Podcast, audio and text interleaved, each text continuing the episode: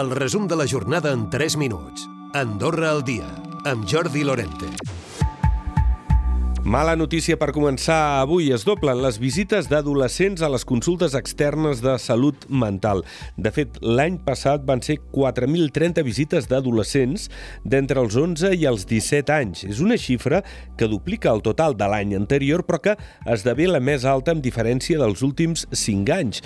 És una dada que han destacat a l'Observatori de la Infància de la Joventut, en aquest cas d'UNICEF. El Carlos Mur és cap del Servei de Salut Mental del SAS estan a punt de tancar-se la incorporació d'una psicòloga més que serà per a l'equip de salut mental infantil-juvenil, posar una infermera amb experiència a fer visites a domicili, a controlar també, lògicament, els casos més greus, la incorporació d'un terapeuta ocupacional més i d'una educadora social més a l'equip, fins que ens arribaran a permetre eh, bueno, el, el fer tota aquesta tasca també de prevenció primària i prevenció secundària que probablement no havíem tingut temps de fer. Sí, més recursos, però segueix preocupant també l'addicció a les pantalles i alguns trastorns com els de la personalitat que intentaran anar-se arranjant a poc a poc. I mentre el Banc Central Europeu no queda descartat com a mecanisme de liquiditat, a més dels bancs de França i Espanya, amb els quals les converses continuen obertes, el BCE podria ser prestador d'última instància. N'ha parlat el ministre de Finances, Ramon Lladós.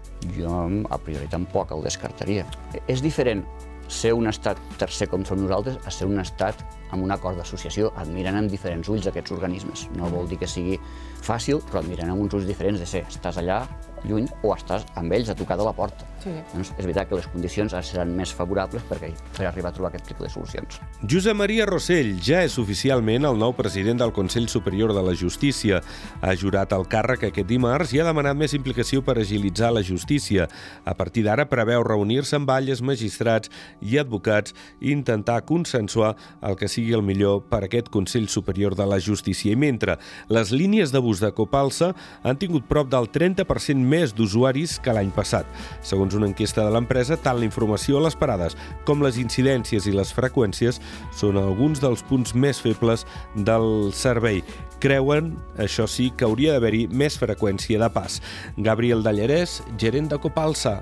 Ens consta que el govern doncs, està treballant en, en ficar informació a les parades, amb la qual aquesta, aquesta, aquesta, aquesta exigència doncs, ja quedarà bastant coberta i les incidències depenem molt d'allà on se produeixen. Aquí intervenen comuns, intervenen casos puntuals doncs, que ningú pot preveure, la suma de tot això, els, previ els previsibles s'ha de fer un esforç per avisar abans, i el brot de Covid del Cedre, el centre sociosanitari de Santa Coloma, ha afectat la planta 1 de l'edifici.